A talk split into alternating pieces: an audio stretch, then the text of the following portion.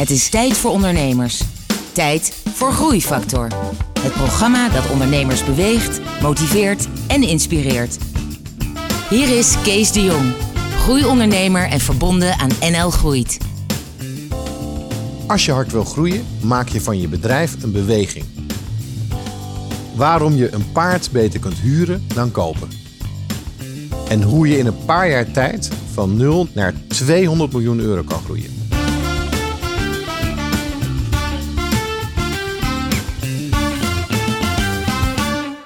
Hallo en welkom bij Groeifactor. Het programma dat ondernemers beweegt, motiveert en inspireert.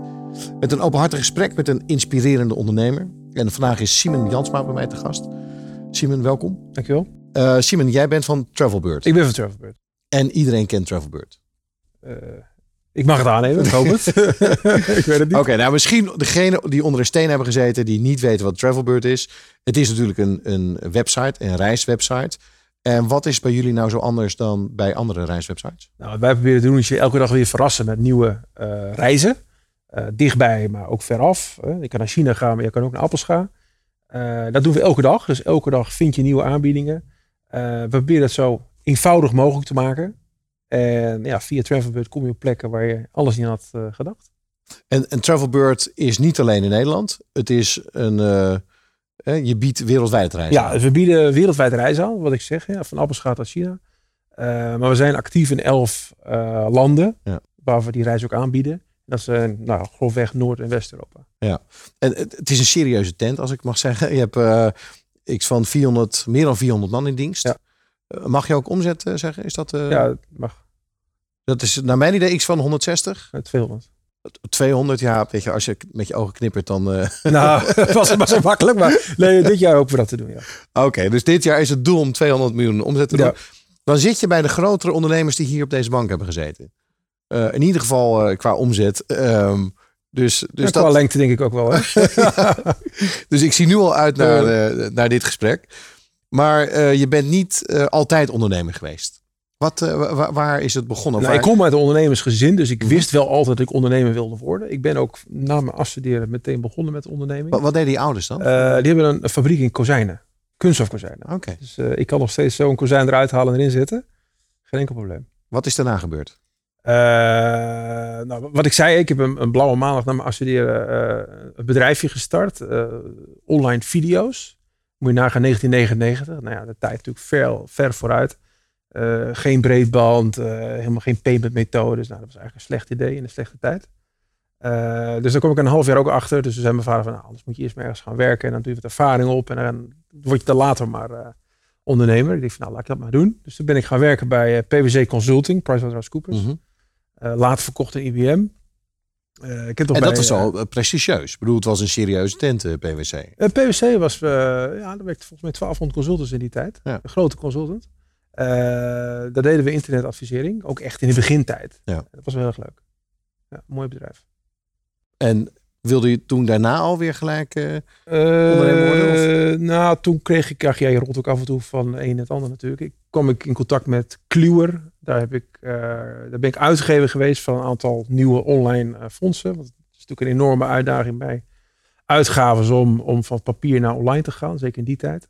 Uh, toen heb ik op business development gedaan, verantwoordelijk geweest voor overnames bij Kluwer. Omdat Kluwer meer naar software wilde gaan bewegen, online software. -huh. um, en daarna ben ik interim manager geweest voor internet ook weer. Dus de rode draad vanaf 1999, uh, of eerder wel, is nog wel altijd wel internet geweest. En wat was je idee? Uh, de travel wordt uiteindelijk, hè? Ja, ja, maar dat, begon, dat, dat was jouw eerste idee? Nee, ik heb eerst ben ik interim manager geweest. Ja. Ik wist nog niet helemaal precies. Dus ik denk, ik ga eerst erg her en der wat klussen doen. Ja. Maar volgens mij, als ik het heb, goed heb gelezen, is Travelbird begonnen in 2010. Ja. En, en dus in de tijd, in de tussentijd heb je jezelf, zeg maar, eh, in de crisisjaren heb je dan allerlei interimklussen gedaan. Ja. En wat was het moment dat je zag, dit, dit, dat reis site of dat is een probleem en dat moeten we oplossen. Ja, er was het samenloop van twee dingen eigenlijk. Enerzijds zag ik gewoon, dat, er was toen een tijd dat je heel veel van die uh, dagaanbiedingssites had. Met mhm. name met gadgets, zoals iBoot, maar daar had je natuurlijk tientallen van. Uh, dus ik dacht van ja, dit is wel interessant. Dus uh, hoge omloopsnelheid, het hebben van goede deals, daar goede marketing op doen, dat zag ik wel voor me. En- Maar was Groupon er ook al? Eh, nee, toen nog niet. Ja, in Chicago, maar daar hadden wij nog helemaal niet van gehoord. Nee, dat, dat, dat, dat kwam iets later op. Ehm, maar ik zag, ik weet dat dat mijn vrouw eh, vakantie voor ons aan boeken was. En echt zat te, te, te, te puffen en te steunen. Hebben de laptop op schoot. En ja, dat het allemaal ingewikkeld was om iets te vinden. Ik dacht van, hé, hey, dan moeten we het op met reizen gaan doen. Dus eigenlijk is jouw vrouw... eh, Die is in zeker zin een inspirator geweest. Ja. Ik denk van nou, als we het voor haar makkelijk kunnen maken, is elke dag wat anders. Altijd een goede aanbieding, altijd een goede prijs. Eh, maar de kwaliteit moet wel voorop staan. Altijd leuke vakanties. En dan elke dag wat anders. Dus daar kwam, zo kwam ik erop eigenlijk. En eh, nou, toen zijn we het gewoon gaan doen. en, en je zegt we. Ben je gelijk met een compagnon begonnen? Eh, ja, want ik ben meer een marketing- en organisatieman en minder een, een dealman. Ja. Nou, als je een, een dealsite wil starten, moet je goede deals hebben. Ja. Moet je goede vakantiedeals hebben. Dus ik dacht van, ik heb iemand nodig die dat, die dat kan. En zo kwam ik uit bij Dennis. Die was collega van mij bij Kluwer. Eh, een enorme eh, dealscorer. Dacht van, nou, weet je, die moet ik hebben. Dus die heb ik gebeld en die was meteen... eh, Die was in. in. En zijn jullie 50-50 begonnen? Ja, ik denk dat wel wat cruciaal is. Ehm, ik heb ook wel voorbeelden omheen gezien. Ik zal de naam maar niet noemen, is niet netjes. Van ondernemers die al met z'n tweeën of met z'n drieën waren, waarbij de aandeelverhouding niet gelijk was. En je ziet toch vaak dat daar kinderzin over is. Toch vaak ruzie over is. Ja. Dus ik dacht van nee, je moet het op basis van gelijkwaardigheid doen. En eh, tot, op de, tot op het punt van vandaag doen we dat eh, en, en gaat het goed. En ehm, toen je begon, toen, toen wist je welk probleem je wilde oplossen. Ja. Op een gegeven moment had je dat, eh, de eerste deals kwamen binnen. Had je toen al het gevoel van ja, dit, dit gaat hem worden. Ah, We zitten, nee.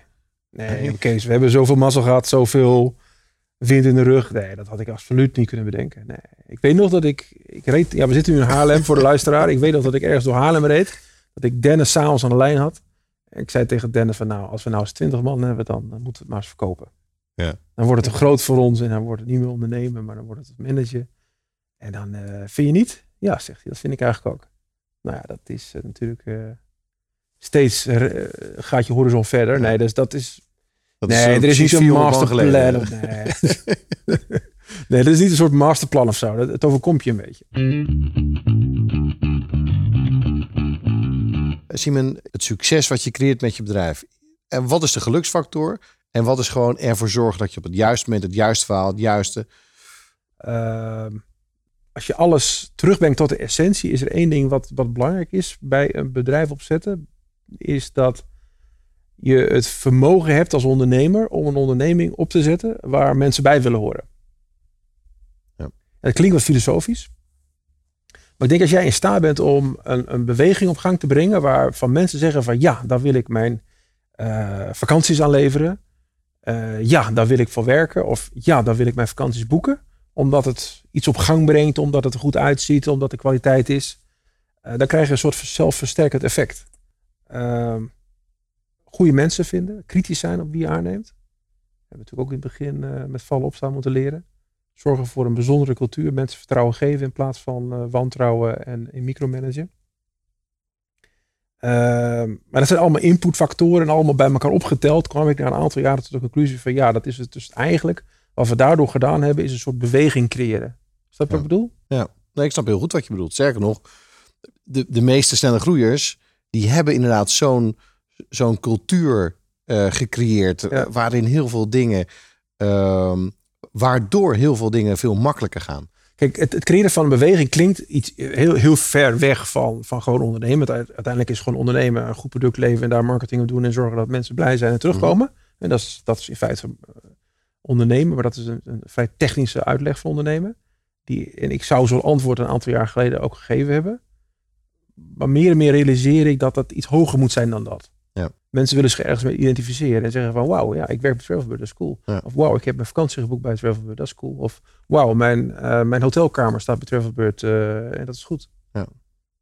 Dat moet je zien te bereiken. Je ging van twee naar twintig man. Ja. Je had ooit gezegd, bij twintig gaan we verkopen. Ja. Je hebt niet verkocht. Nee, toen had ik natuurlijk dat idee al. eh, nee, want dan, dan zit je in een flow en denk je van yes, het lukt en het kan. En kijk eens, en we gaan nu naar Vlaanderen, we gaan nu naar Wallonië, we gaan nu naar. Duitsland. Dus je bent daar continu bezig om je grenzen te verleggen. Ja. Eh, daardoor is ook niet echt één moment geweest eh, waarop we zeggen van ja, dat is het kantelmoment geweest. Nee, er zijn heel veel aaneenschakeling van heel veel kleine dingetjes geweest. Eh, je moet gewoon heel veel proberen als ondernemer. En soms lukken dingen niet en soms lukken dingen wel. En als het dan lukt en je ziet dat mensen bij je boeken en dat ze terugkomen en dat ze blij zijn. En ja, dan krijg je gewoon kick van. Ja. Uh, maar ik weet dat expansie, zeker ook in de beginfase, ja, dat kost geld. Ja. Dus de omzet moet nog op gang komen. Ja. En, en, je moet expanderen. Hoe heb je dat betaald in het begin? Uh, het eigen cashflow. We maakten best wel vanaf het begin best wel. Uh, duurde wel een half jaar voordat er een beetje tractie kwam, zo noemen ze dat wel, geloof ik. Na verloop van tijd begon Nederland echt goed te lopen. En met, met wat we verdienden in Nederland gingen we andere landen starten. Vlaanderen als eerste, dat is natuurlijk relatief makkelijk in die periode, hoe, hoe snel ging die groei ongeveer? De, van het eerste, tweede, derde jaar? Nou, dan moet je het echt hebben over 100, 150 procent jaar over jaar. Als, als leider, als ondernemer moet je in iedere groeifase moet je ander gedrag gaan vertonen. Als je 10 man hebt, doe je wat anders dan als je 25 man hebt of 50 of 150. Hoe heb jij dat ervaren? Ja, als een, als een zoektocht. Eh, als een leuke zoektocht, moet ik zeggen. Uh, vooral in de begintijd toen we ook nog geen directie hadden. Dus dan, dus tot en met 2014 was dat ja, op een gegeven moment merk ik, het punt is je, we hadden toen ook geen raad van commissarissen, dus ook niet echt adviseurs, we moesten het allemaal een beetje zelf uitzoeken. Vond ik best wel leuk. Uh, op een gegeven moment kom je erachter dat je iets mist. En dan ben je eigenlijk al te laat.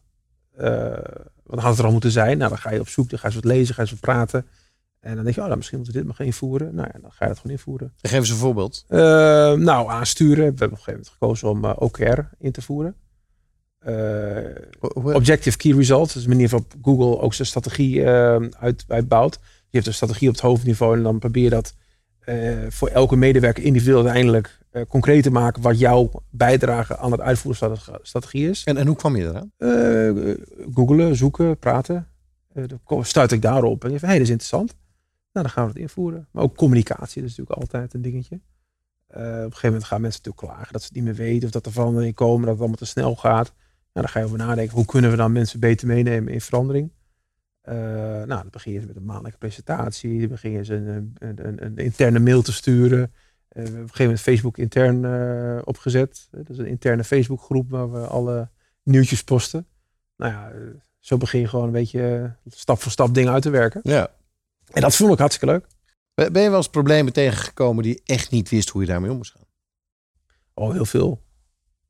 Uh, maar dan ga ik gewoon op zoek naar mensen die het wel weten.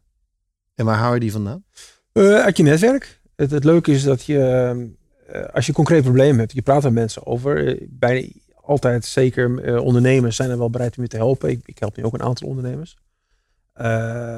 dus ja, jouw, jouw problemen, dat is ook het mooie wat ik heb geleerd van consultancy.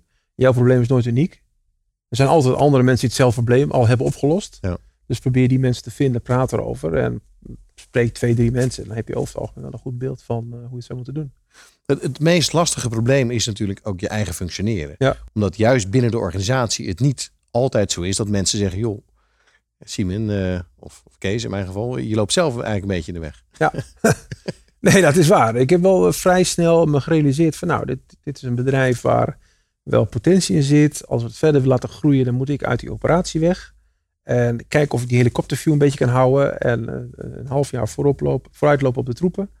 Uh, dus dat hebben we relatief snel besloten dat ik dat ging doen. En dat, uh... we gaan even nu naar 2014. Daar hint je zelf op. Wat was het verschil in 2014? nou, op een gegeven moment werden wij benaderd steeds meer door investeerders. We stonden op een gegeven moment op een radar. En nou, investeerders die eh, kijken veel naar elkaar. Dus als één belt, dan bellen ze opeens allemaal. En ik hield ze altijd een beetje buiten de deur. Maar ik dacht van ja, wij, zijn toch lekker bezig. En ik heb helemaal geen zin dat andere mensen eh, zich gaan bemoeien met ons. uh, totdat Robert van Waaien langskwam van Kien. Investeerder uit Amsterdam. nou, jongen van onze leeftijd. leuke vent, klikte goed. Biertje goed meegedronken. wat verhalen uitgewisseld heeft ons ook de mogelijkheden laten zien en, en, en, en eh, wat er bij andere bedrijven uh, heeft gedaan. Ik dacht van nou, misschien is dat dan toch wel een aardig idee. Uh, toen zijn we gaan praten met investeerders. Uiteindelijk uh, kwam Rocket Internet daaruit. En dat zijn die, die Duitsers, hè, voor degenen die ja. dat niet weten. Ja. G groot, bekend Duits Ja. eh, fonds eh, door een aantal eh, hele succesvolle ondernemers opgezet. Ja, waarom, zij- waarom heb je voor hen gedaan? Nou, omdat ik de, de hele ondernemende investeerders vond. Eh, Elke investeerder zegt dat hij ondernemend is, maar dat is lang niet al geval is dat zo. Ehm, maar ja, Rocket Internet is opgericht door ondernemers die op e-commerce gebied natuurlijk ruimschoots hun sporen hebben verdiend. En eh, toen de tijd hadden ze net eh, Groupon eh, van de hand gedaan. Enorme expansie. Eh, in een aantal jaren tijd eh, geweldige prestaties. We dachten, nou, van deze mannen kunnen we wat leren. Ja. Eh, dat is ook zo gebleken. Dus eh, dat was de overweging. En heeft dat het bedrijf eh, veranderd? Eh, ja, want toen kwam natuurlijk veel meer kapitaal beschikbaar. Ja, in het kapitaal wat toen vrij kwam, konden we investeren in eh verwegbestemmingen, konden we investeren in technologie, konden we investeren in mobiel, konden we investeren in internationale expansie. Dus dat heeft een enorme groeiversnelling en kwaliteitsslag bewerkstelligd. Eh, waardoor we nu een groter aanbod aan reizen kunnen aanbieden, gepersonaliseerd. Eh, ja, dat, dat zijn dingen die je eigenlijk alleen maar kan als je een zekere schaal hebt. Als Ja. we in Nederland eh, en Vlaanderen waren gebleven, dan hadden we die investering nooit kunnen doen. En dan was je een kleinere speler gebleven. Dan waren we Eh, kleine spelers. ja. Groeifactor is een initiatief van MKB Brandstof. Ga naar groeifactor.nl voor nog meer openhartige verhalen van inspirerende ondernemers. Groeifactor inspireert ondernemers. Sime, we hadden net erover dat het natuurlijk niet alleen maar een roze wolk is geweest. Een, een fantastic journey. Je zal ook zware en moeilijke momenten hebben meegemaakt in, eh, in het bouwen van je bedrijf. Ja, natuurlijk. natuurlijk. Nee, eh, ondernemer die zegt dat alles crescendo gaat, eh, die moet je niet geloven. Elke ondernemer heeft zijn verhalen.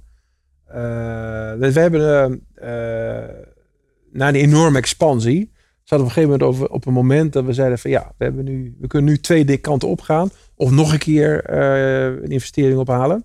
Maar we zagen ook dat die markt moeilijker ging worden Mhm. voor het type bedrijf wat wij waren. Of we moeten naar winstgevendheid. Want het zo op deze voet doorgaan, dat, dat is niet goed. Ja. We zaten in te veel landen, eh, te veel verschillende activiteiten. Eh, moeilijk te besturen. Gebieden waar goede groei waren, maar ook gebieden waar het veel lastiger was. Eh, te veel verschillende initiatieven naast elkaar. Eh, dus toen zaten we op een moment dat we zeiden van ja jongens, dit moet nu anders. Nou, dat is denk ik de moeilijkste tijd voor mij geweest bij Travelbird. Mhm. Wat dat betekent is dat je de dingen die je met zoveel enthousiasme en plezier en energie hebt opgezet, ook zelf weer moet, eh, moet stoppen. Dus je moest ingrijpen. Moest ingrijpen. En hoe heb je dat gedaan? Eh, met het team goede plannen maken, eh, de juiste mensen erbij betrekken en op een gegeven moment iedereen bij elkaar geroepen en zeggen van jongens, het moet anders. Ja. Eh, en ja, dan gaat natuurlijk wel een schok door het bedrijf. Dat betekent dat er een aantal mensen uit moeten. Dat er, in ons geval werden er zestal landen gesloten. En er werden een aantal activiteiten, met name op het gebied van B2B, werden gesloten. Mhm. Eh, ja, dat heeft natuurlijk een schokgolf veroorzaakt. Want daarvoor leefde het allemaal op roze wolk en ging het allemaal crescendo en hoezee. En op een gegeven moment kwam de realiteit van, ja jongens, eh, het, roer moet om. Ja. En dat is een heel ontzettend moeilijke tijd voor me geweest. Hoe voelde je je toen, toen je die speech eh, moest geven? Eh, Of had je een e-mailtje gestuurd? Nee, hou op zich, zo laf ben ik niet. Eh, nou, aan de ene kant voelde ik me heel erg verantwoordelijk voor de mensen. Ik dacht, van, ik moet er nu staan, ik moet er nu zijn, ik moet nu mijn gezicht laten zien. Aan de andere kant voel je je ook gewoon eh, ja, kloten voor de mensen die weg moeten. Er zat ook een hele hoop mensen tussen met wie ik gewoon zelf had samengewerkt, eh, die ik zelf had aangenomen, Ja. eh, die ik ook goed vond. Hè. We konden echt niet Ja. alleen maar selecteren op mensen die eh, of akkoord waren of niet goed presteerden. Hoe snel is, is, is het elan weer teruggekomen? Nou, het heeft een aantal maanden geduurd. Ik merk wel, na elk weekend ging het beter. Ehm, ik denk binnen een half jaar dat het redelijk weer op peil was. En we meten dat ook. We zien klanttevredenheid, eh, of sorry, medewerkstevredenheid Mhm. eh, was na eh, vijf maanden ongeveer weer op de oude peil. Ook de spontane opzegging is ook natuurlijk een belangrijke graadmeter. Dus hoeveel mensen zeggen zelf op. Dat was vrij snel weer op het oude niveau. Oké. En sindsdien zit, het, zit, zit de groei en, en het elan zit er weer in. Ja, dat is, dat is goed om te merken. Dus we hebben eh, heel veel energie gestoken om de goede mensen te houden. Om daar te investeren, ook duidelijk te maken, we willen graag verder gaan met jullie. Ja. eh, goed de, de, aan te voelen van wat er leeft. Dus we doen af en toe enquêtes, maar ik probeer ook gewoon zelf, eh, of probeerde moet ik inmiddels zeggen, hè, veel met mensen te praten. Dus ik had gewoon koffiesessies met mensen, lunchsessies, gewoon aanschuiven bij mensen, gewoon een paar vragen stellen. Goed te begrijpen wat leeft er nou onder mensen. We hebben in die tijd heel veel aandacht daarvoor gehad. Je probeert het gewoon zo goed mogelijk te doen voor de mensen die dan, dan zitten. En, eh, ja, ik denk dat dat redelijk is uitgepakt. Sieben, jij hebt echt afgelopen jaar onder enorme druk gestaan. Met name als je bedrijf zo snel groeit. Er gebeuren er honderden dingen. Je moet overal bovenop zitten. En nou ja, dat is fantastisch. Maar het is ook continu druk. Hoe, hoe ontspan jij? Ja, goede vraag. Kijk, eh, toen ik ehm, in, in het begintijd van Trevor werkte ik zo hard. Ik had helemaal geen tijd voor dat soort dingen. Eh, op een gegeven moment dacht ik van ja, dit is niet goed. Dus toen ben ik eh, dinsdag en donderdagochtend voor werk gaan sporten. Met een personal trainer. Ik denk, moet een beetje drukker achter hebben. Iemand Ja. die me challenged. Dus die belde aan bij jou thuis? Ja, als je niet kwam, dan uh, zwaarde het wat. Dus dat werkte heel goed. Maar daar ben ik mee gestopt toen ik het in 2015 kreeg. Ik zo mega druk. Eh, maar toen had ik ook wel behoefte om een, om mijn kop te legen. Dus toen, nou ja, het, zal, het antwoord zal wel vaker gegeven zijn in dit programma, vrees ik. Maar dan ben ik gaan golven. Eh, dat doe ik nog steeds. Dat is toch wel heel erg lekker, eh, moet ik zeggen. Het is een mooie sport. Je Mhm. moet jezelf uitdagen, maar af en toe kan je ook gewoon lekker je kop leeghalen. En wat ik nu ook aan het doen ben, en dat zal vast minder vaak worden gegeven, dat is paardrijden. Dat is de eerste keer inderdaad. Ja, dat dacht ik al. ik heb twee dochters en die zijn helemaal gek van paardrijden. En ik zat er elke zaterdag altijd eh, bij de manege op mijn telefoon te kijken. Ik dacht, nou, dat is ook een beetje nutteloos. Ja. Dus ik heb tegen die vrouwen daar gezegd, kan ik ook niet een keer gaan rijden? Nou, zei ze, goed, volgende week één uur. En ik van, oh, dat moet ik ook echt. Goed, ik heb een paar lazen gekocht en een rijbroek. En ik denk, Ja, ik ga gewoon. zo'n en zo'n cap, hè? Zo'n Ja, cap. ja, ja, eh, ja, of- ja. Nee, ik heb daar de hele outfit compleet. Eh, dus ik rijd nu elke zaterdag door de duinen in eh Aardehout. En, En heb je al een paard gekocht? Nee, nog niet. Ik weet ook niet of ik ga kopen. Want het is eh, veel onderhoud. Ja. Dus, eh, je hebt ook wel zo gezegd, ik zal niet allemaal herhalen voor de radio, maar dat je in sommige situaties beter dingen kan huren dan kan kopen. Ja. Of een, of een goede vriend hebben. If met it een, dries, eh, floats or die andere met de F, dan kun je het beter huren dan kopen. dus eh, nee, eh, dat heb ik niet. Oké. Ehm, maar waar het gaat om ontspanning, eh, is het ook zo dat je nu wat ontspannender bent. Je gaf aan, ehm, ik heb een CEO-positie, of ik had een CEO-positie, maar nu sinds kort nou, ben ik teruggetreden als CEO. Ja. Ja. Wat, wat zat daarachter? Eh, nou, twee dingen. Enerzijds eh, realiseer je meer en meer van, goh, wat ik nu aan het doen ben, dat, dat, dat, dat heeft steeds minder te maken met de reden waarom ik ooit ondernemer wilde worden. En ik ben allerlei nieuwe dingen gaan doen. Hè. We hadden het al eerder over die zoektocht van, hoe moet je nou je rol als CEO goed invullen. Dus steeds meer ga je dingen doen die daar verder van afstaan. Op een gegeven moment denk je van, ja, maar is dit nou eigenlijk wel wat ik heel erg leuk vind, wat ik mijn plezier uithaal?